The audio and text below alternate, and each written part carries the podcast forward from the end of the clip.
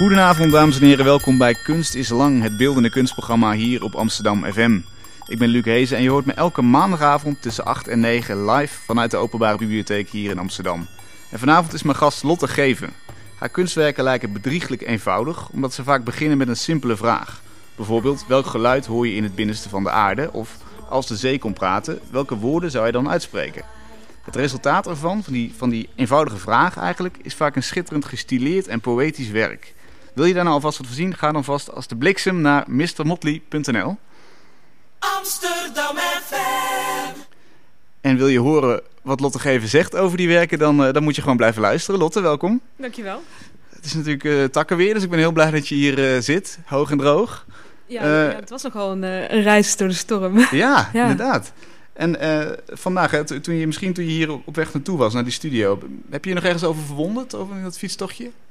Nee, ik heb me niet echt ergens over verwonderd. Ik ben gewoon zo snel mogelijk hierheen gegaan. het is een kwestie van overleven meer. Ja. Ja, kan ik me voorstellen. Nou ja, ik, ik bedacht het omdat op een gegeven moment fiets ik tegen de wind in. Toen hoorde ik een soort van gesuis in mijn wiel. Ja. Toen dacht ik, hé, hey, dat, dat heeft misschien wel iets te maken met waar we het over gaan hebben vanavond. Een soort Vertel. Van, nou ja, een soort van uh, uh, um, kleine uh, opmerking.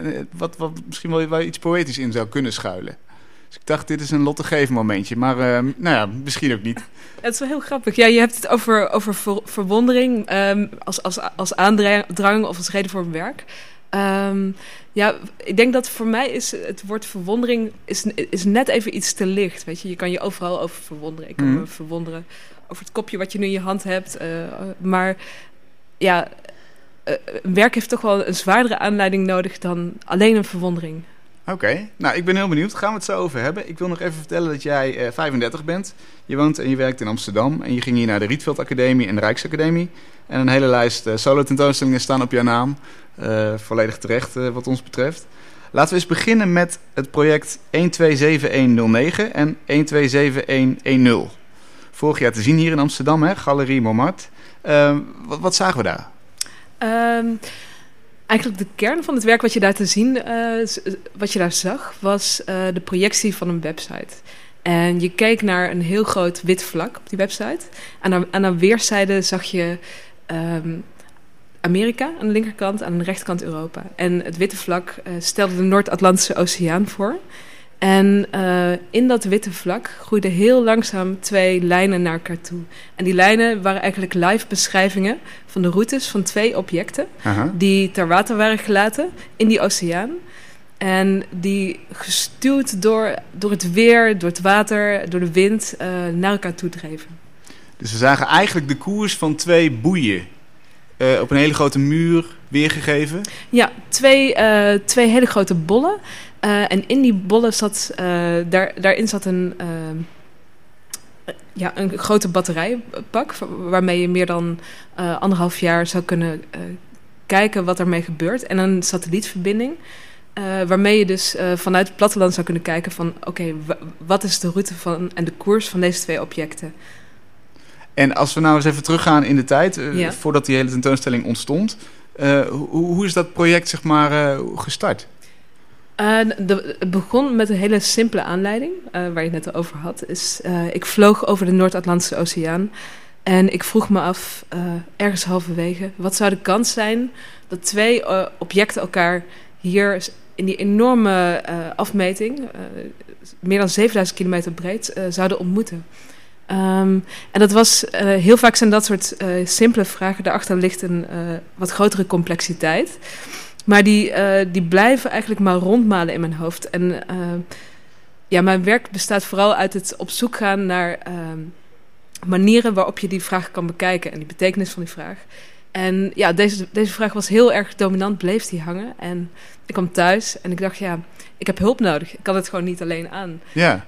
Um, en toen ben ik gaan, gaan rondkijken van, ja, wie zijn mensen die wat weten over uh, over hoe, hoe een oceaan zich gedraagt en hoe je een antwoord of een, uh, zou kunnen formuleren op deze vraag. Of een proefopstelling zou kunnen maken waar, waarbij je um, ja, eigenlijk naar deze vraag zou kunnen kijken. Um, en dan, dan ben je al best wel ver met die vraag, maar Ja. je zou ook kunnen denken, nou, interessante vraag. Ja. Eh, ik, ik, eh, ik zoek hem op of, of ik parkeer hem eventjes. ja. Ehm, misschien zouden heel veel mensen het ook wel gewoon laten bij die vraag, maar wat triggerde jou zo aan die vraag? Waarom laat het jou niet los? Ehm, nee, heel veel dingen uit het alle, alledaagse leven. Eh, eigenlijk de realiteit zoals die ja, zich aan ons voordoet. Daarachter, da- daar ligt altijd wat anders. Daar zit een systeem achter. Een wetmatigheid die mij eh, interesseert. En eh, ja, eigenlijk hetzelfde. Je zou het kunnen... Wij zitten hier nu tegenover elkaar aan tafel... in een gebouw, in een bibliotheek in Amsterdam. En als je gaat kijken... ehm, ja, wat die enorme stuwkracht van de geschiedenis, eh, persoonlijke geschiedenis van mij is en van jou. En van alle generaties daarvoor, die ervoor hebben gezorgd dat hier dus twee mensen zitten. Is Mhm. dat best wel, dat hele alledaagse moment is redelijk eh, bijzonder. Ehm, en voor mij is het interessant om eh, via zo'n werk te gaan kijken van hoe eh, kun je dus kijken naar dat soort wetmatigheden. Het feit dat dingen elkaar mogelijk kunnen ontmoeten Mhm. binnen hele complexe systemen. Ehm, en ik doe dat eigenlijk het, lie- het liefst zo, zo door iets heel, weer heel simpel te maken. Ook waarschijnlijk simpel. Dus door alle ruis weg te nemen. Dus in dit geval zouden we dan eerst de stad weghalen. Zouden we alle andere spelers weghalen uit het veld. En uiteindelijk ehm, kom je dan uit op eh, een oceaan. Waarin dezelfde mogelijke wetmatigheden gelden als hier op het vasteland. Eh, en dan hou je twee eh, puntjes over die eigenlijk gechoreografeerd worden door de natuurkrachten eh, en de wetmatigheden van, eh, ja, ja, van de wereld, wa- waardoor wij eigenlijk bewogen worden. Ehm, en zo kwam ik op het idee om die twee objecten waarmee we begonnen, 127109 en 127110, eh tot leven te wekken. In samenwerking met ehm, eh, NOAA, een Nationaal Oceanografisch Instituut uit Amerika. En ik had toen, eh, ja, na mijn terugkomst van de vlucht eh, uit Amerika, heb ik hun gebeld, eh, instituut in Mi- Miami, en mijn vraag voorgelegd van, k- kun je ervoor zorgen dat twee objecten, die je niet, niet bestuurt, maar die je dus aan weerszijden van de oceaan te water laat, Mhm. één, één vlakbij de States, één vlakbij Europa, zou je kunnen voorspellen dat die twee elkaar zouden ontmoeten? En die hele simpele vraag werd immens complex. Want de zee is natuurlijk. ehm, Hoe reageren ze daarop, op zo'n vraag? Want die krijgen ze niet elke dag natuurlijk. nou, we hadden wel een soort van nerdenklik. Want eh, het was wel iets waarvan ze dachten: oké, dit, is- dit vinden we interessant. Ja. Want dit is waar, hier zijn we er elke dag mee bezig. We zijn, we zijn ermee bezig om te kijken hoe gedraagt zo'n oceaan zich. En zij kijken dus ook onder eh, ja, de ogenschijnlijke simpelheid van eh, het systeem van de oceaan. En zij zien daar allerlei dingen in die wij niet zien. Zij, ze vertellen me bijvoorbeeld: een oceaan heeft eh, snelwegen die wij waarin dingen zich bewegen. Grote stromingen die zo nu en dan opkomen en dan weer wegzakken onder het oppervlakte. eh, kolkingen. Ehm, en, die hebben eh, zij natuurlijk in kaart gebracht, die kennen zij. ja, die kennen zij. Ah. En er zijn dus een aantal ja, grote snelwegen, zal, zal ik maar even noemen. ehm, wa- waarin dingen op het oppervlakte van, het, van de oceaan getransporteerd worden naar een eh, punt midden in die Noord-Atlantische Oceaan. En eh, het, het idee ontstond eigenlijk al meteen van oké, we gaan de ene, het ene object gaan we in, het ene, in de ene stroomlijn zetten, de snelweg, en de, eh, en de andere in de andere. Ehm, en dat zou er eigenlijk, als je dan van bovenaf eh, jezelf de oceaan voor zou stellen, Mhm. dan zie je ja, twee halve cirkels die langzaam naar elkaar toe draaien. En het idee was, oké, dan kunnen wij deze twee objecten volgen Ja, in hun eh, ja, route naar, het, naar een ontmoeting. met een chipje erin. Ja, GPS-signaal. Ja. Mhm. Dus En? ja. Zo en, geschieden. ja, ja, het was nog een, echt een. Eerst was allereerst was het een ontzettend eh, ja, gedoe om, om erachter te komen van ja, waar en wanneer worden die twee eh, objecten ter water gelaten? Want dat komt allemaal heel nauw. Eh, daar zitten heel veel metingen van oceanografen achter. En eh, dus er werden meerdere, instituten bijgehaald. Instituut in Spanje, in Portugal, in Ierland. En op een gegeven moment zaten we met ja, vier topinstituten over dit hele kleine vraagstuk na te denken. Allemaal En- door, die- door die ene lottegever die in het vliegtuig naar beneden kijkt. Ja, en nou ja, uiteindelijk is er dus een soort van poldermodel uitgekomen. Wat je dus krijgt als je meerdere partijen samenzet voor één ehm, ja, groot complex vraagstuk. Ehm, en allereerst werd 127110 eh in het water gezet, eh vlak bij de Mexicaanse golf. En die konden we een aantal dagen volgen, eh, hoe die langzaam de Mexicaanse golf uitging. Eigenlijk net, zo, precies zoals voorspeld, langs de kust van Cuba eh, ging. Lang, en langzaam eh, ja, richting het midden van de Noord-Atlantische Oceaan getrokken werd. En iets later werd, eh, midden in de nacht, werd 127. ehm eh, de ander, ja. Ja? Ja. Eh, 1, 2, 7, 1, 1, 0. Eh 109 werd, Oh, ter 109, dat is het werd ter water ja, gelaten. Je zou zelf in de war raken van je eigen titel. Ehm, en eh, nou, die, die zat ook aardig op koers. Maar alles ging zoals voorspeld. Maar eh, twee weken in het project kwam er een tropische storm die niet voorspeld was. Ah. En eh, je, je zag de lijn van 127110, zag je hele grote cirkels maken rond, het, rond de Bermuda-driehoek. Van een doorsnede van ongeveer 200 kilometer. En die bleef er maar rondcirkelen. En wat gebeurt er dan met jou als je in die galerie zit, als je dat ziet? Ja, ik dacht... Ja, aan de ene kant had ik, eh, zat er natuurlijk enorm hoop in dat alles precies zo zou gaan zoals voorspeld zou zijn. Aan de andere kant kun je je natuurlijk voorstellen dat, dat er zoveel parameters zijn binnen die immense oceaan, dat de kans dat dit zou gaan zoals we gehoopt hadden dat het zou gaan, bijna niet aanwezig was. Dus Vond je het jammer of vond je het spannend? Of ik vond het jammer en spannend. Ik vond het vooral spannend om te zien dat die. ehm, ehm, dat de plek van die, van die cirkel die zich maar bleef verhalen, dat dat de Bermuda-driehoek was. Ja. je gaat daar onmiddellijk ga je daar een soort van verhalen aan, aan toedichten. En, maar goed, die andere was nog redelijk, redelijk op pad. En ehm, ja, Dat is mooi. Dat, en dat, dat volg je dan. En hoe, lang heb je die gevolgd? Ja, echt eh, maanden. En eh, op een gegeven moment zat ik in China voor een, eh, voor een ander project. En ja, ik, elke ochtend keek ik naar die objecten, hoe ze zich eh, aan het gedragen waren. En beantwoordde ik eh, fanmail van mede-nerds, die zich helemaal waren gaan hechten aan, eh, aan beide dingen. Ze hadden er echt personages van gemaakt. Ik denk dat, ja, dat krijg je automatisch als je heel lang naar, naar iets kijkt. kan ook een stipje zijn. Dan, dan wordt dat bezield. Gewoon door, je, door jezelf, door je ik, door je eigen kijken. Het werden je kindjes een beetje. Nou, dat is wel echt... Oh, Gaat dat- wel heel Oh, ver. dat gaat ver. Oké, oké. Maar goed, die... eh, ik zat in China en 127109 maakte op een gegeven moment een hele vreemde eh, manoeuvre. Die ging met een kaarsrechte lijn ehm, richting de kust van Marokko. En die kaarsrechte lijn, dat kon alleen maar menselijke ingreep zijn. En dan? Paniek? Ja, meteen inzoomen op de kaart van... Ja, wa- wa- wa- wat is daar? Wat is daar in Marokko? Er was een piepklein ha- havenplaatsje eh, genaamd Asila. En ik dacht, ja, hij is, hij is meegenomen, hij is gevonden, midden op zee. En, maar ik zat helemaal aan de andere kant van de wereld, in China. En ik dacht, als ik terug ben, dan ga ik erheen. En dan ga ik kijken wat er gebeurd is. En dat heb je gedaan. Ja.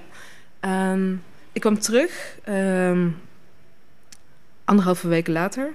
Ehm, en ik heb een goede eh, vriendin van mij, filmmaker, ook kunstenaar, Heidi Vogels, gevraagd of ze mee wilde gaan. eh, om te filmen, de zoektocht naar, eh, naar het object. Er waren ondertussen heel veel mensen die zich afvroegen van... ja, wat, waar is dat ding heen? Ja. Heel veel mensen die dat verhaal wilden weten.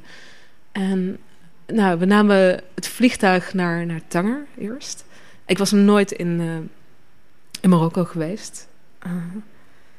En we kwamen daar aan en ja, ik had al meteen dubieuze gevoelens van ja, waar, waar ben ik mee bezig? Weet je? Ik, ik ga iets zoeken, ehm, maar ik heb geen idee wat ik tegen ga komen. Ik was totaal eh, onvoorbereid. Het enige wat, wat ik bij me had was een, een foto van, van het object zelf. Ja. En een eh, ontzettend eh, mooie en poëtische brief in het Frans geschreven door mijn lieftallige assistent toen de tijd, Lea Mercier, een Franse dame.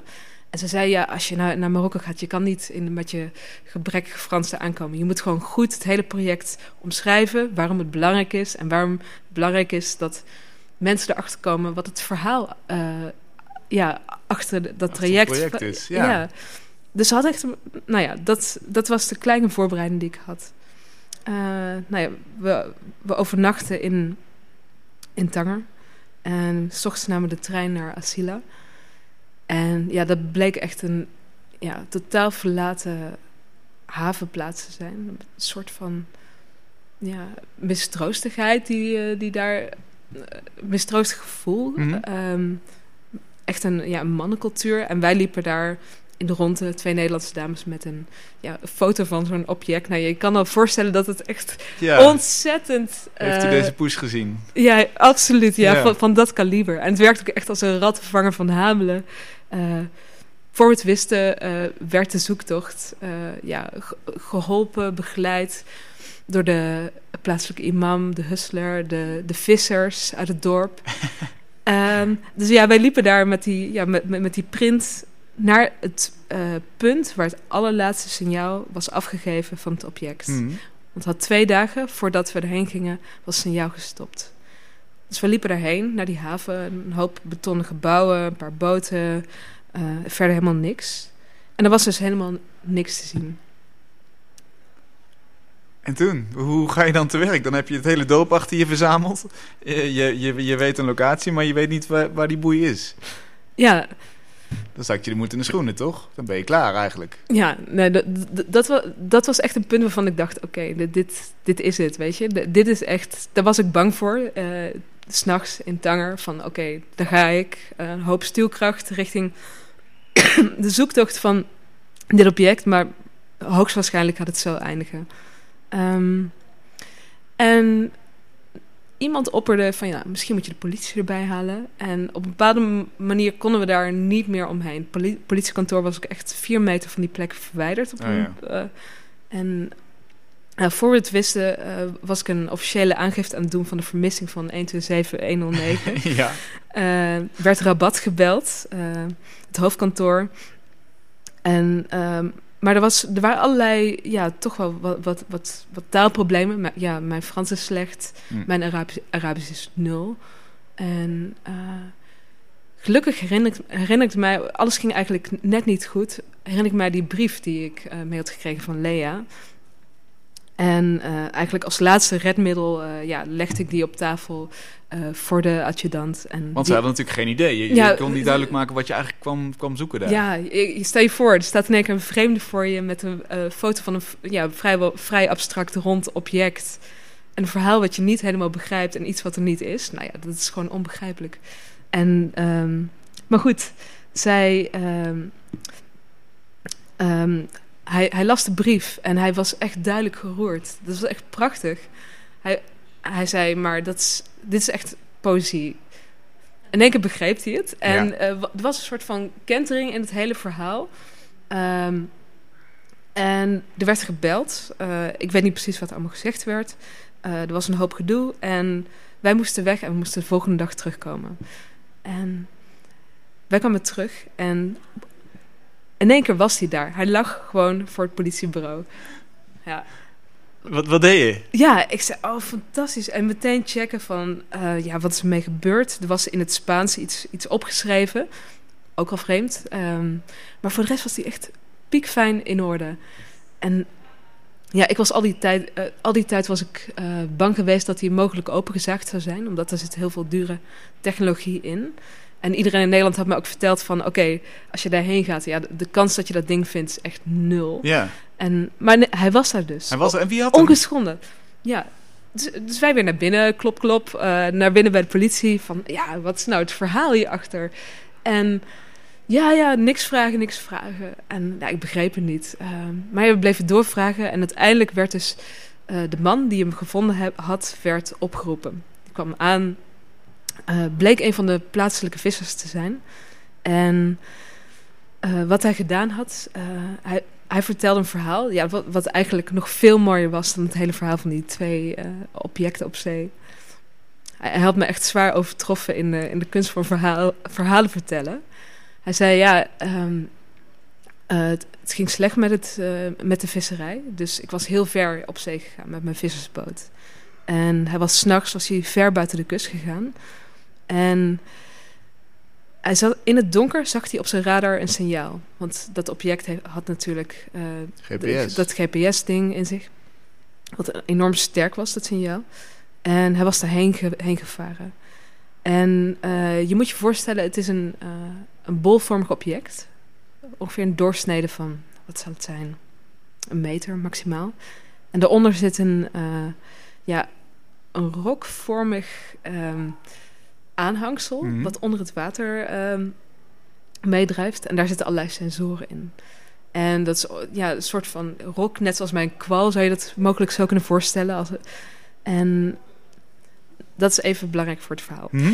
Ehm, dus hij, hij, hij vaart daarop af, ziet dat ding. eh, en hij tilt dat ronde object uit het water. En hij zei, in die rok zaten dus meer dan 50 grote zilvervissen, zijn woorden. Ah. Dus eh, het schijnt dus dat die straling en het signaal van... of die kleine elektrische straling die van het magnetenblok afkwam... dat hij ervoor heeft gezorgd dat die, dat die vissen daarin zaten.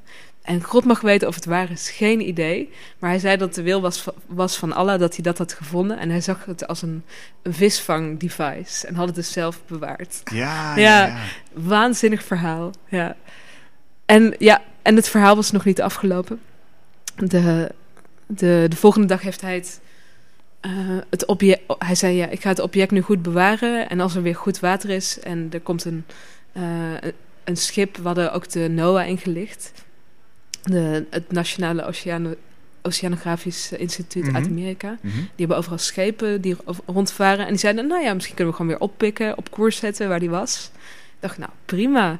Maar ehm, de vinder had hem dus eh, achter slot en grendel gelegd. En wij kwamen thuis en wij logden weer in op, eh, ja, om te kijken van, oké, do- doet hij het weer? Ja. En, en inderdaad, maar hij was dus meteen nadat hij het voor onze neus had opgeste- opgeborgen, was hij weer meegenomen naar een ander punt in de stad. Dus hij is gewoon, en ik denk dat die man in één keer besefte van, dit is een ding van waarde. Maar hij heeft het niet teruggegeven dus? Want dat, dat lijkt je toch... Nou, dan heb je, ben je eindelijk herenigd met je bol. Ja, En dan krijg je hem nee, niet terug. Nee, hij, hij zou hem bewaren. En, eh, maar hij is dus nu weer verdwenen. Wa- Wat eigenlijk ook wel een heel, heel, een hele mooie wending van het verhaal is. Dus, dus hij is nu op land weer verder gegaan, Ja, maar en nu niemand weet waar naartoe. signaal op. Ja, Ongelooflijk. geen idee. Wat, ja. wat een avontuur. Eh, dat giet je dan natuurlijk in een kunstwerk, of althans, dat worden kunstwerken. ja. Eh, en één zo'n werk is een audiowerk, eh, waarin eigenlijk de coördinaten van die twee bollen worden voorgelezen. Hè? Ja. Laten we even gaan luisteren. Day Day 1. one. Sunrise. Sunrise. 6:37 a.m. 7:32 a.m. See like a mirror. See like a mirror. Sunset. 7:24 Sunset. p.m. 8:17 Moonrise. p.m. 12:55 Moonrise. p.m. 1:35 p.m. 11:54 Moonset. p.m. None. Day length. Day 12 length. hour 47 12 minutes. hour 45 minutes. Temperature. 28 degrees. Temperature. Destination 19 at degrees. 7,007 kilometers. Destination at 7,007 kilometers. Day, Day 2. 2.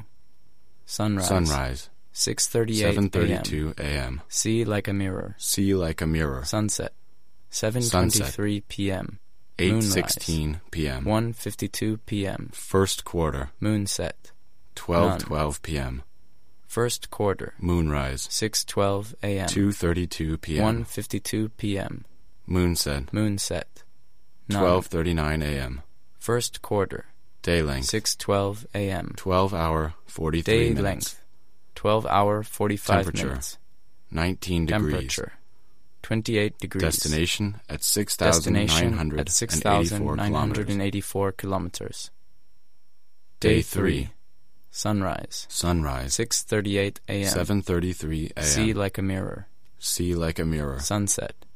Sunset. 7:21 p.m. 8:15 p.m. Moonrise. Moonrise. 2:49 p.m. 3:29 Moonset. p.m. 12:46 Moonset. a.m. 1:31 length. a.m. 12 hour 43 minutes. Day length. Temperature. 12 hour 28 42 degrees. minutes. Destination at Temperature. 6,912 kilometers. degrees. Destination at 6,912 kilometers. Day 4. Sunrise. 6:39 a.m. 7:33 a.m. See like a mirror. See like a mirror. Sunset. Sunset. 7:20 p.m. 8:13 p.m. Moonrise. 3:45 Moonrise. p.m. 4:25 p.m. Moonset. 1:44 Moonset. a.m.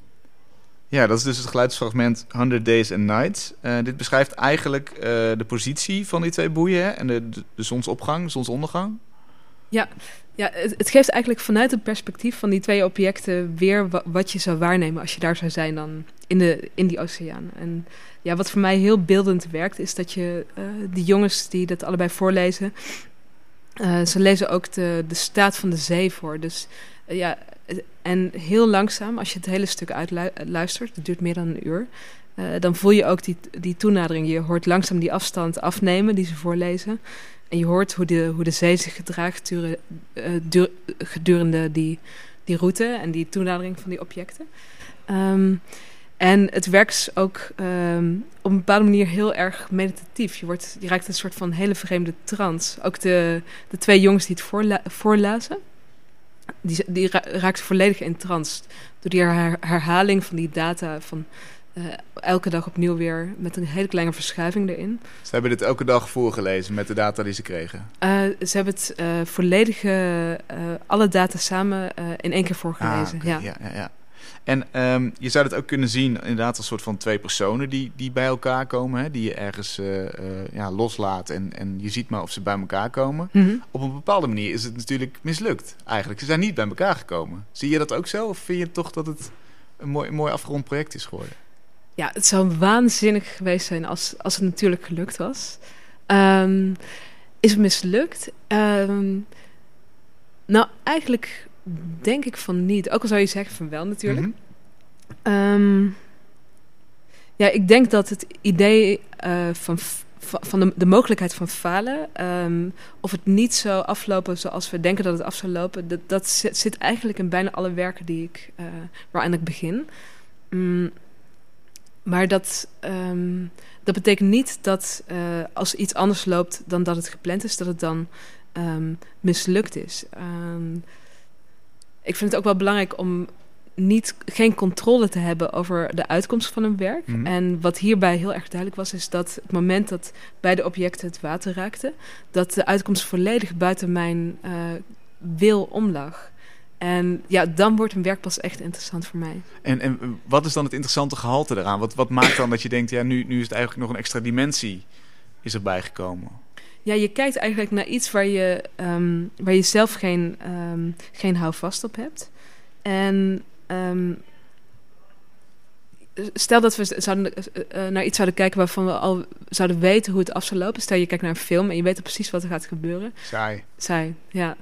En ja, ik denk ook eh, in die lange duur van het observeren van die twee eh, dingen en het betekenis geven aan verschillende aspecten van die route eh, en ook de relatie tot elkaar, dat daar, ehm, dat daar eigenlijk ook de ontdekking van het werk plaats kan vinden. Zowel voor mij als de maker, maar ook voor de, voor de toeschouwer. Eh, ja, ik vond het gewoon heel erg tof dat het mogelijk was om een publiek voor echt een hele lange tijd ja, vast te kluisteren voor iets heel erg simpels. Want je kijkt feitelijk maar naar twee stipjes door een wit vlak die heel langzaam elkaar toenaderen. En dan die hele abrupte wending natuurlijk, Ja, achteraf. Ehm, ja, ja, dus eh, conclusie geslaagd, ja. sowieso gelukt. Heel goed. Eh, Zo'n ander project van jou, dat, die ook weer begint met zo'n heel eenvoudige vraag, namelijk hoe klinkt het in het binnenste van de aarde? Ehm dan schakel je ook weer wetenschappers in. Ehm, maar in dit geval wisten zij ook niet wat het antwoord zou gaan zijn, toch? En waren ze verbaasd, volgens mij. Eh, ja, ze waren verbaasd. Ehm, de, de vraag lag net iets anders. De, de vraag was, eh, maakt de aarde geluid? Weet je, alles maakt geluid. Als wij nu stil zouden zijn, zouden we nog steeds heel veel horen. En nou ja, met die vraag ja, in mijn hoofd dacht ik van ja, als ik antwoord, antwoord wil op die vraag, moet ik eh, zo dicht mogelijk bij de bron komen van waar het geluid dan mogelijk vandaan zou kunnen komen. En dat is natuurlijk eh, ja, dieper de aarde in. Ehm, dus, eh, nou ja, mijn, mijn, mijn zoektocht, eh, hele lange zoektocht richting het antwoord naar de vraag begon met Google. En gewoon super, super deep hole eh, inge, ingetoetst als zoekopdracht. En dan sound erbij, of mp3. Eh, of Earth Sound. eh, en ja, er was eigenlijk niks. Nee. Ehm, maar ik had al snel een soort van eh, ja, simpel idee. Oké, laten we gewoon een microfoon afzakken in een gat. En ik was gewoon op zoek naar een gat. En het eerste gat wat ik vond was in Rusland, in Kola. Dat is een soort peninsula wat in de permafrost ligt, helemaal in the middle of nowhere. En daar hebben de Russen een gat van ja, ongeveer 12 kilometer geboord richting de kern van de aarde. Als een, ja, echt een onderzoeksgat. Eh, en ja, dat werd beheerd door de, het ministerie van Super Deep Earth Investigations. Echt zo'n hele rare spooky eh, filmische naam. Die, en ik was ook meteen gaan benaderen. Ik dacht, dit, worden mijn, dit wordt mijn alli- alliantie, mijn Mhm. partners in crime. Mhm. Eh, ja, na tien e-mails bleek volgens mij dat ze niet bestonden of dat ze geen Engels spraken. Oh, En toen ben ik via via gaan vragen. En het bleek dus dat het, dat gat eh, dichtgestort was met beton. Eh, dus mijn, mijn zoektocht ging verder. En ehm, toen kwam ik bij het, eigenlijk het tweede diepste gat op aarde terecht. Wat, wat, maar wat open is. Wat dus nu eigenlijk het diepste open gat op aarde. En dat lag ja, vrij dichtbij eigenlijk in Winnis Eschenbach. In de, klinkt ja, Duits. Klinkt Duits, ja. Mhm. In de glooiende heuvels van Beieren is dat volgens mij. En eh, ja, het ligt vlak bij, vlak bij de, de Tsjechische grens. En daar hebben de, de Duitse overheid heeft daar ja, jarenlang eh, geboord tot ze echt niet meer konden. Tot gewoon de boorkop van diamant zo heet werd dat ze echt gewoon bottom hadden bereikt. En wat, wat zochten ze daar? Was dat bodemonderzoek of wilden ze eh, materiaal omhoog halen? Of? Ja, kennis. Ja, het is echt, het is een eh, ja, te verwaarlozen gat eigenlijk. Het is zo ontzettend smal. Het is zo, ja, je zou er een bierflesje net doorheen kunnen laten, maar zo breed is het dan. Ah. En eh, gewoon ja, de nieuwsgierigheid van wat ligt er hier onder ons. Ehm, dus ik dacht, nou ja, dit wordt mijn gat. Dus we gaan rondbellen, rondgoogelen. En uiteindelijk kreeg ik eh, het 06-nummer van een Duitse wetenschapper die daar iets mee te maken had. en ja, ik had hem opgebeld, maar ik was ontzettend zenuwachtig. Ik dacht, ja, als je zo'n gat vindt, is het echt als een speld in de, in de hooiberg vinden. Mhm. Is- En eh, nou ja, ik, kon nog maar net eh, in een soort van half Engels, eh, half Duits mijn, mijn, mijn vraag uitleggen. En ik hoorde mezelf en dacht, nou, dit klinkt echt zo belachelijk. Dit, eh, dit was het. Maar hij, hij was heel aardig. ehm, Jochem Koek, hele leuke wetenschapper. Zei, nou, ach, ja, eh, nou ja, we kunnen er altijd over praten. Kom maar een keer langs. Eh, nou ja, dus we maakten een afspraak. En ehm, En hoe werkt het dan? Eh, Dan, dan neem je een, een hele lange eh, microfoonkabel mee en een microfoon. Maar ja, dat, gaat natuurlijk, dat gaat natuurlijk de fik in, dus daar moet je eerst over nadenken. Ja, dat was, dat was mijn idee dus ook. Maar Jochem zei, kom maar eerst maar even langs. We gaan eerst praten en dan, eh, in de m- mocht er iets uitkomen in een tweede poging, ehm, gaan we kijken hoe we het aan gaan pakken. Ehm, dus ik ging daarheen, eh, auto gehuurd en kwam bij het gat en eh, we, hadden, we hadden meer mensen uitgenodigd. en ik voelde al meteen dat soort van ja, een vreemde verhouding. Weet je, als je, je kunstenaar uit Nederland, eh, die tussen soort topwetenschappers daar bij zo'n eh, ja, Duits monument eh, staat, Mhm. dat uberdiepe gat. En ik dacht, ja, het- ik, ik kan mezelf hier niet waarmaken of een plaats toe-eigenen. En ze, hadden, ze waren heel aardig, maar ik voelde wel een soort van, oké, Wij handelen dit wel af. we, gaan, we gaan even kijken, maar eh, we doen het gewoon uit aardigheid, niet eh, per se Hm. uit, eh, ja, uit diepe waardering voor kunst in het algemeen of wat dan ook. Het zijn gewoon wetenschappers, maar we hadden wel absoluut een klik. Ehm, ehm, Hoe is het gelukt? Ja, die. ehm, we hebben heel lang over gepraat en er is een soort. Uiteindelijk voor gekozen om een eh, zonde naar de bodem van het gat te laten zakken. ehm, aan een kabel.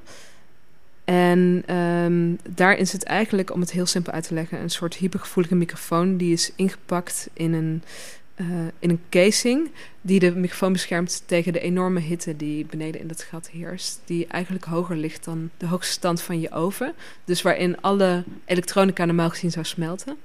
En eh, het- idee was om te gaan luisteren. Om gewoon een opname te maken, dat ding omhoog te halen en te luisteren. Dus eh, nou, dat hadden we gedaan. Ehm, dus we sloten het ding aan, eh, we gingen luisteren. Het was een hele lange stilte en ergens in het midden was een soort heel erg diep onweerachtig geluid. En ja, dat was wel echt waanzinnig. Laten we even horen hoe dat dan klinkt. Midden in de aarde.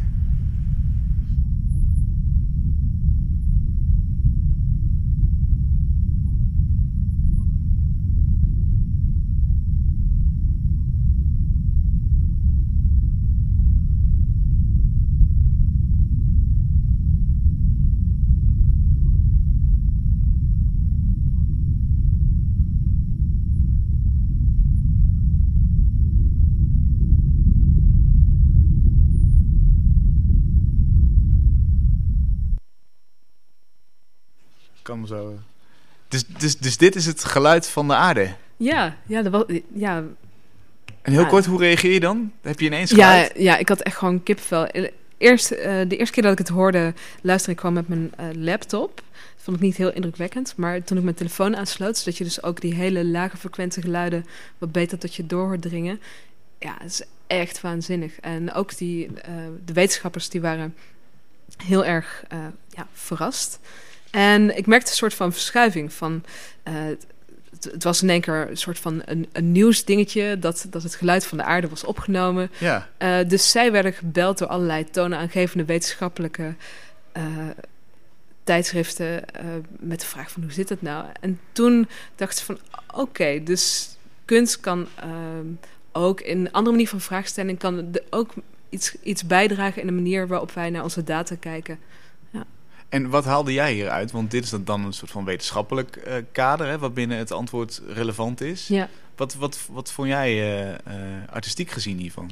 Ja, voor mij als ik een werk maak, is het eigenlijk het maken van een portret van dingen die eigenlijk te groot zijn en te complex om ons daartoe te verhouden. En voor mij is dit werk ja, echt een, een manier eh, waarop je dus op een andere manier kan verhouden tot dat idee van wat is nou een aarde. Hier wordt die aarde echt een dynamisch eh, object waar je, waar je op loopt, iets wat beweegt, iets wat geluid maakt. En eh, ja, dat besef, ja, dat ligt achter heel veel projecten die ik onderneem. En dat is hier echt heel belangrijk voor mij. Dus het is bijna een soort van interactie met iets wat eigenlijk te groot is om interactie mee te hebben. Ja. Zou je kunnen zeggen, toch? Op het binnenste van de aarde, ja, dat... Ja, niet echt een interactie, maar hoe je ja, meer op een, eh, of een ja, filosofische manier of op een eh, ja, humane manier kan verhouden tot iets wat te groot is om eh, te beseffen wat het eigenlijk is. Ja. En dat, da- daar zit voor jou de, de, de toegevoegde waarde in, of het het Ja, de- poëtische aspect in. Ja, er zit een, een drijver in, want die, ja, er zijn heel veel van, van dat soort dingen, zoals eh, de oceaan, eh, het luchtruim, eh, de aarde. En we, we hebben er allerlei ja, ideeën bij wat het is. En die ideeën zijn voornamelijk gevoerd door, door de wetenschap. ehm, maar je kan je er ook op een andere manier een portret van maken, waardoor je dus een andere toegang hebt tot wat het eigenlijk is en wat het voor jou zou kunnen betekenen. Ja, dus het opent eigenlijk een nieuwe manier van kijken naar die fenomenen om ons heen. Ja, En eh, heel concreet in dit geval, hoe, hoe heeft dat jouw blik op die wereld veranderd? ja ik, ik was eigenlijk. ehm, ik was, ik was als, als kind was ik al heel erg eh, gefascineerd door ja, wat er onder ons zit. Het feit dat je een tunnel kan graven en dat je dan mogelijk iets tegen kan komen. Dat heeft ieder kind natuurlijk. Maar het feit dat ik erachter kwam dat dit. ehm, dat die aarde eigenlijk een, ja, een, een hyperdynamisch, eh, ja, bewegend, ja, pulserend en roterend object is. Dat weet je natuurlijk allemaal, dat je dat zo fysiek bijna voelt. Eh, ja, dat is een besef wa- wat, wat, ja, wat ze nu dan terugkomt ook in mijn dagelijks leven. En dat vind ik best wel mooi. Ja. Ja, En, en, en wat vonden die wetenschappers ervan? Want die kunnen natuurlijk op een heel andere manier zich nu verhouden tot hun eigen studiemateriaal. Het is niet meer droog en, en uit de boeken. Nou ja, je, moet je niet vergissen. Kijk, wetenschappers, die, zij, zij zijn vooral met die... eh, ze zijn met heel, een hele leven met die materie bezig. Dus voor hun is die al heel erg ruim en verhalend. En ze hebben een andere manier van kijken daarna. Hmm. Dus ehm, het is niet zo dat dit hun eh, soort van euforie-moment eh, kan bieden, dit werk. maar maar ja, het voegt misschien iets toe of het verschuift die perspectief. Ja, waardoor je net even wat anders kan kijken. En geldt dat ook voor de kijker van, van jouw werk? Dus de mensen die jouw werk zien? Wat bedoel je? Wat hoop je eigenlijk, ehm, wat hoop je dat, dat het werk voor effect heeft op, op kijkers die dit zien? Eh, Of horen in dit geval natuurlijk. ja, ik, ik hoop eigenlijk... Ja, ik, ik zie die werken eh, niet per se als eh, educatiemateriaal of Nee. zoiets. Maar ja, ik hoop wel een soort van... Ja, ja, een tunnel te bouwen in, die, in, de, in je beleving van, van je eigen wereld... en die hele grote, ja, bijna abstracte grote zaken om ons heen. Zoals ja, lucht, aarde, zee. Ehm, ja, dus op die manier zie ik de functie van het werk. Dus eigenlijk een verbinding te Een maken. ja. Mooi, mooi. En, en nou, de zee, die, je noemde hem net al. Dat is volgens mij zit in je nieuwste project, hè? Walter, getiteld. Kun je iets daarover vertellen? Ja, daar kan ik wel iets over vertellen. ja, ehm, eh, ja, wat was eigenlijk ontstaan van ja, de- zee is ook weer zo'n eh, ja, semi-abstract vlak. Daar sta je voor, eh, dat beweegt, dat gedraagt zich. Ehm, ehm, en dat heeft eigenlijk, heeft die zee heeft heel veel connecties met hoe wij zelf in elkaar zitten. En hoe wij eigenlijk onze eigen zelf daarop reflecteren. We kennen allerlei mensen, menselijke eigenschappen toe aan de zee. We hebben Mhm. het over een wilde zee, een furieuze zee, een, een kalme zee, een serene zee. Eh, dus dat hele abstracte vlak, dat heeft eh, in onze be- belevingswereld, heeft dat eh, bijna me- menselijke proporties. Ja, we projecteren dat erop. ja. ja. Mhm. Ehm, en dus ja, ik dacht, als je die zee gaat beschouwen echt als een, als een levende entiteit of een projectieveld van de eh, dan zou je daar ook een, een, persoonlijkheid aan kunnen geven en dus ook een stem. Eh, en met het idee om taal te koppelen dus aan, die, aan de zee zelf, ehm, ben ik eh, in contact gekomen met een linguistengroep in Vienna. En Ehm, met hun ben ik gaan kijken hoe je taal kan klassificeren in allerlei gemoedstoestanden. Dus van furieus tot kalm tot sereen. En zo hebben we dus eigenlijk enorme eh vocabulaire hebben we gemaakt. Eh, en dat gekoppeld aan eh, hoe de zee zich gedraagt. Ehm, en daaruit is een, ja, een, een vertaalcomputer geboren, om maar zo te Mhm, zeggen. mhm. En ehm, geprogrammeerd door Tho- Thomas Kriel. En, ehm, en het is een heel klein eh, boxvormig objectje. Ja. En aan de voorkant zit een eh, rond gat. Er zit een camera in. En die camera is gericht op de zee. En hij kijkt dus constant naar de zee. Naar hoe de golven zich gedragen. eh, of het licht is of het donker. En koppelt dat aan het vocabulaire. En ehm, het object spreekt. En laat dus de, de zee spreken. Dus je krijgt s'nachts een heel ander duister vocabulaire. Overdag weer een heel... Soms, soms ondergang weer een ja, meer zoet vocabulaire. Dus er is een kastje En, eh, dat, dat kijkt eigenlijk op de zee uit. Ja, en die vertaalt die zee letterlijk. Dus eh, eigenlijk vanuit die manier waarop je taal kla- klassificeert in gemoedstoestanden en de zee. Ehm, ja, zo vertaalt het letterlijk de staat van de zee. En ja, maakt Dus, het dus in nu is het donker bijvoorbeeld. Eh, ik denk een woeste zee, want we, we hebben een soort van herfststorm. Ja, Wat zouden dan voor, wat zouden daar voor woorden uitrollen? ja er, zitten, er zit een heel erg... Helemaal aan de onderkant van de vo- vocabulaire zaten echt... eh, ja, best wel duistere woorden. Die gaan ook over... ehm, eh, ja, een heel agressief vocabula- vocabulaire zou uit voorkomen. Dus er een zitten ook heel veel scheldwoorden zaten daarin. eh. dus ja, je zou nu een, mogelijk een scheldende zee hebben. Ja, Een, een donkere, scheldende zee. ja, maar dat is echt, dat was alleen bij de, eh, we hadden allerlei ehm, gradaties eh, toegepast. Maar dat zou dus alleen zijn bij een hele heftige zee, ja, een hele hoge Beaufort. Dus als je En- en waanzinnige... wat voor ding? ehm, ja, de Beaufort? Nee. Eh, Nee. Ken ik niet. Wat is Nee. de Beaufort?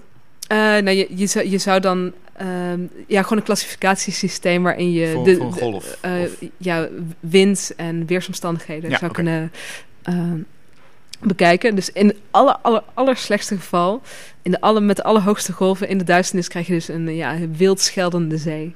En wat, wat voor scheldwoord is dan de, de meest extreme die je hebt toegevoegd? Het meest extreem. Ja, we hebben echt, ja, vanuit dat linguistisch onderzoek, ehm, ja, gewoon scheldwoorden die mensen het vaakst gebruiken. Ja, motherfucker, weet ik veel. Hele. ja, ja, En is best wel streetwise. eh, ja, ja. Dus de, de, de zee is redelijk streetwise. eh. ja, ja. Ja, oké, dat is goed om te weten. ja. Ehm, ook weer natuurlijk fantastisch. Waar horen we dat? Waar, waar kunnen we dit volgen? Ehm, het was onderdeel van eh Today's Art Festival in samenwerking met de Zero Show van het Stedelijk Museum. Mhm. En was te zien op de pier ehm, in Den Haag. Eh, En- Scheveningen, sorry. Oh ja, oké. Ja, En Zero, hoe, hoe, hoe is dat te relateren aan dat werk? ja het, is, het, het is een eh, extreem minimalistisch werk als je naar kijkt. eh, het is gewoon een boxje. Ja. Ja, het enige, de enige ingreep van het werk is dus die, de link tussen taal, wat een heel liquide systeem is, en de zee zelf, wat, wat dat ook is. Ook liquide, ja, inderdaad. Wat, wat was de mooiste, eh, de mooiste zin die je hebt gehoord van de zee? Oh, dat is echt zo moeilijk. Ja, we- we- ik kan even geen mooiste zin ehm, op, eh, oproepen. Maar wat ik wel mooi vond is... eh, in het systeem was echt het zoeken naar woorden was ook ingebouwd. Dus je, het was echt een stem die soms hapert en zoekt naar het juiste woord voor, het juiste, eh, voor de juiste staat van de zee. Ah. De, eh, dus soms had je een enorme volzin en soms ehm, had je dus te maken met ja, echt een, st- een stem die, eh, die zoekt en dan zo nu en dan vindt. Dus je- ja, ja, die, die spanningsopbouw voor de, voor de luisteraar die op het einde van de pier stond, die, die werkte wel heel goed. Dus eigenlijk wordt de zee ook een soort van persoon. Ja, Ehm, en is het dan de persoon die je had voorgesteld van tevoren? Want eigenlijk heb je misschien een soort van verwachting van een, van een project. Dat je denkt, ja, die, die, ik ga die zee een stem geven. Ehm, komt daar een, een leuk persoon uit of een interessant persoon? Of... ja ik, ik moet je eerlijk zeggen dat we waren zo lang met het onderzoek van het project bezig. Dat op een gegeven moment had ik ook echt dacht ik van, nou, la- laat het in godsnaam af zijn. Dus eh, mijn ver- verwachtingsniveau lag enorm laag. Hmm. En eh, we sloten het ding voor de eerste keer aan. Dus eh, hij werkte voor de eerste keer.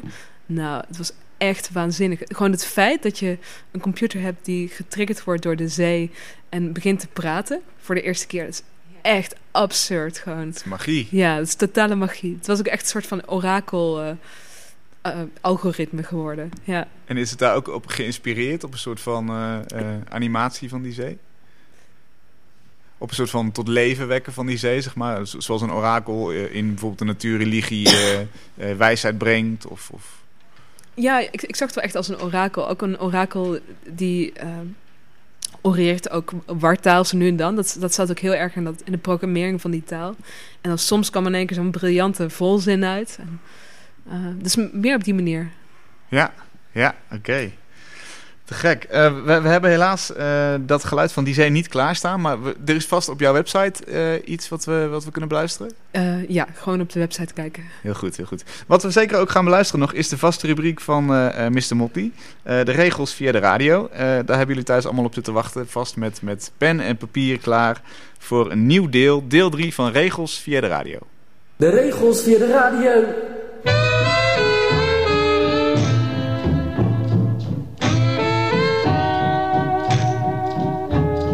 Regels radiowerk 3. Dit radiowerk is een beetje anders dan de afgelopen weken. Dacht je toen dat je uit je comfortzone moest stappen? Nou, vandaag brengen we je naar een heel nieuw level in de categorie ongemakkelijke gevoelens. Je hebt tot nu toe in de luwte geschilderd. Maar nu moet je in beweging komen en daarbij je instinct, weerstand en aandrang negeren. Kies een groot oppervlakte om op te tekenen. Dit mag een groot vel papier zijn, maar ook een plank, een stuk vloer of een tegel. Laat de ondergrond qua kleur en structuur zoals hij is. Het vuige bruin van het MDF, het grijze krijtstreepje op de tegel, koester het. Leg het oppervlakte op de grond en sta op. Loop er een rondje omheen en kijk. Ga nu naar de keukenkastjes en zoek iets wat strooibaar is, maar niet rolt. Knikkers zijn ongeschikt. Peperkorrels ook onhandig. Koffiebonen zijn vanwege hun vorm juist perfect bruikbaar. Maar kruidnagels of rijst kunnen bijvoorbeeld ook. Het is belangrijk dat het kan vallen en niet doorrolt, maar ook niet dwarrelt en niet verstijft. Hopelijk sta je nu met je wekpot koffiebonen onder je arm.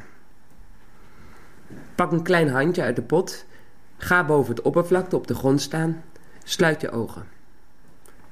Gooi voorzichtig de kleine hand in een boogje op het oppervlak. Denk niet na. Probeer de compositie niet te bepalen, te manipuleren of te beïnvloeden. Het toeval doet zijn werk. Binnen enkele fracties van een seconde hebben jouw worp, het strooisel en de ondergrond voor een compositie gezorgd. Nu mag je er niet meer aankomen. Je wil het, ik weet het, maar je mag niet. Ook niet dat ene boontje nog binnen het vlak leggen. Ook niet dat witte gat daar linksboven nog wat opvullen. Je zou je aandrang moeten negeren om het concept voor dit kunstwerk niet te verstoren. Doe je het wel, dan is het in één klap waardeloos. Pak nu een lange liniaal en een pen of potlood. Buk boven de compositie en verbind de lijnen tussen de koffiebonen of het andere strooisel met elkaar. Trek kaarsrechte lijnen, verbind alle bonen, waardoor een geometrisch patroon ontstaat. Haast niet. Denk er niet over na, maar concentreer je op de strepen. Als alle bonen met elkaar verbonden zijn, kan je ze van de ondergrond afvegen. Neem afstand, minimaal vier stappen en kijk. Maak een diepe buiging naar de compositie. Signeer het werk rechtsonder in kleine letters met toevalstreffer. Dankjewel. Ja, dat was Regels via de radio, gemaakt door eh, anonieme Amsterdamse kunstenaars. Heb je hier nou een heel mooi eh, werk van gemaakt? Eh, dat hopen we. Maak er dan een foto van en mail hem naar heske.mrmotley.nl. En bewaar het werk zelf ook goed en wellicht zien we het dan terug in een tentoonstelling die hierover gaat. Dat zou heel leuk zijn. Ehm, je luistert ondertussen naar Kunst is Lang, het beeldende kunstprogramma hier op Amsterdam FM. En vanavond is de gast, was eigenlijk de gast, want we gaan al afronden, Lotte geven. Ja, het is al bijna voorbij. Jezus, echt? Ik wil heel, ja, ik Ja. wil heel graag nog horen wat je, wat je, waar je mee bezig bent, wat je gaat doen, waar we je kunnen zien. Ehm, ja. Ik vertrek overmorgen naar Dakar. Ga ik een film opnemen. En op dit moment is er werk te zien in... ehm, mm, even kijken. Volgens mij was het Stedelijk Museum in Schiedam. Nee, Zwolle? Sorry. Ehm, een Turner, eh, Turner show. ehm, Turner met hedendaagse kunst. Daar een werk te zien. Ah, oké. Ehm, Enschede, denk ik. Enschede. Oh, sorry. Ja. Het spijt me. Nou, maakt niet uit. En in het klooster ehm in Ter Apel. eh, prachtige plek. eh, staat op de UNESCO-lijst. Daar is ook een nieuw werk te zien. HG1 en HG2. Ga absoluut kijken. Het is ver weg, maar zeker de moeite waard. Oké, kun je een heel klein tipje van de sluier opleggen? Eh, twee, twee druppels kwik.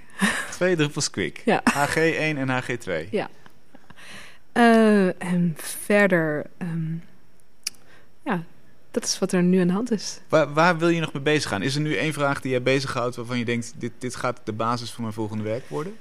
Ja, ik had in die, eh, in die fascinatie voor de, het, de blik achter de alledaagse wereld en eigenlijk eh, achter de coulissen daarvan kijken. Eh, daar ben ik eh, nu al een hele tijd bezig om ehm, een bibliotheek te maken. We zitten hier in een bibliotheek, maar um, om een bibliotheek te maken van eh 24 uur, van alledaagse observaties. Ehm, en dat is een werk wat, wat nog in de stijger staat, waar al heel veel onderzoek voor gedaan is, maar waarvan ik wel hoop dat dat ehm, ja, volgend jaar gaat beginnen. Het is een heel groot project, dus eh, er zitten ook heel veel ogen en haken aan. Ja. Ehm, maar het is wel echt iets waar mijn hart ligt en eh, daar kijk ik ontzettend naar uit. Dus hoe ziet 24 uur eruit in observaties en aantekeningen? Ehm, ja, het, het, zou, het, het wordt een bibliotheek van ongeveer 300 boeken met daarin eh, vier, met tijdsnotities erin. Eh, waarin je eigenlijk, net zoals je door een in een klok door de tijd kan navigeren. eh, de bibliotheek zelf wordt een klok waarin elk onderdeel, elk boek eh, een deel van de tijd van de dag voorstelt. Oké. Kun je openslaan.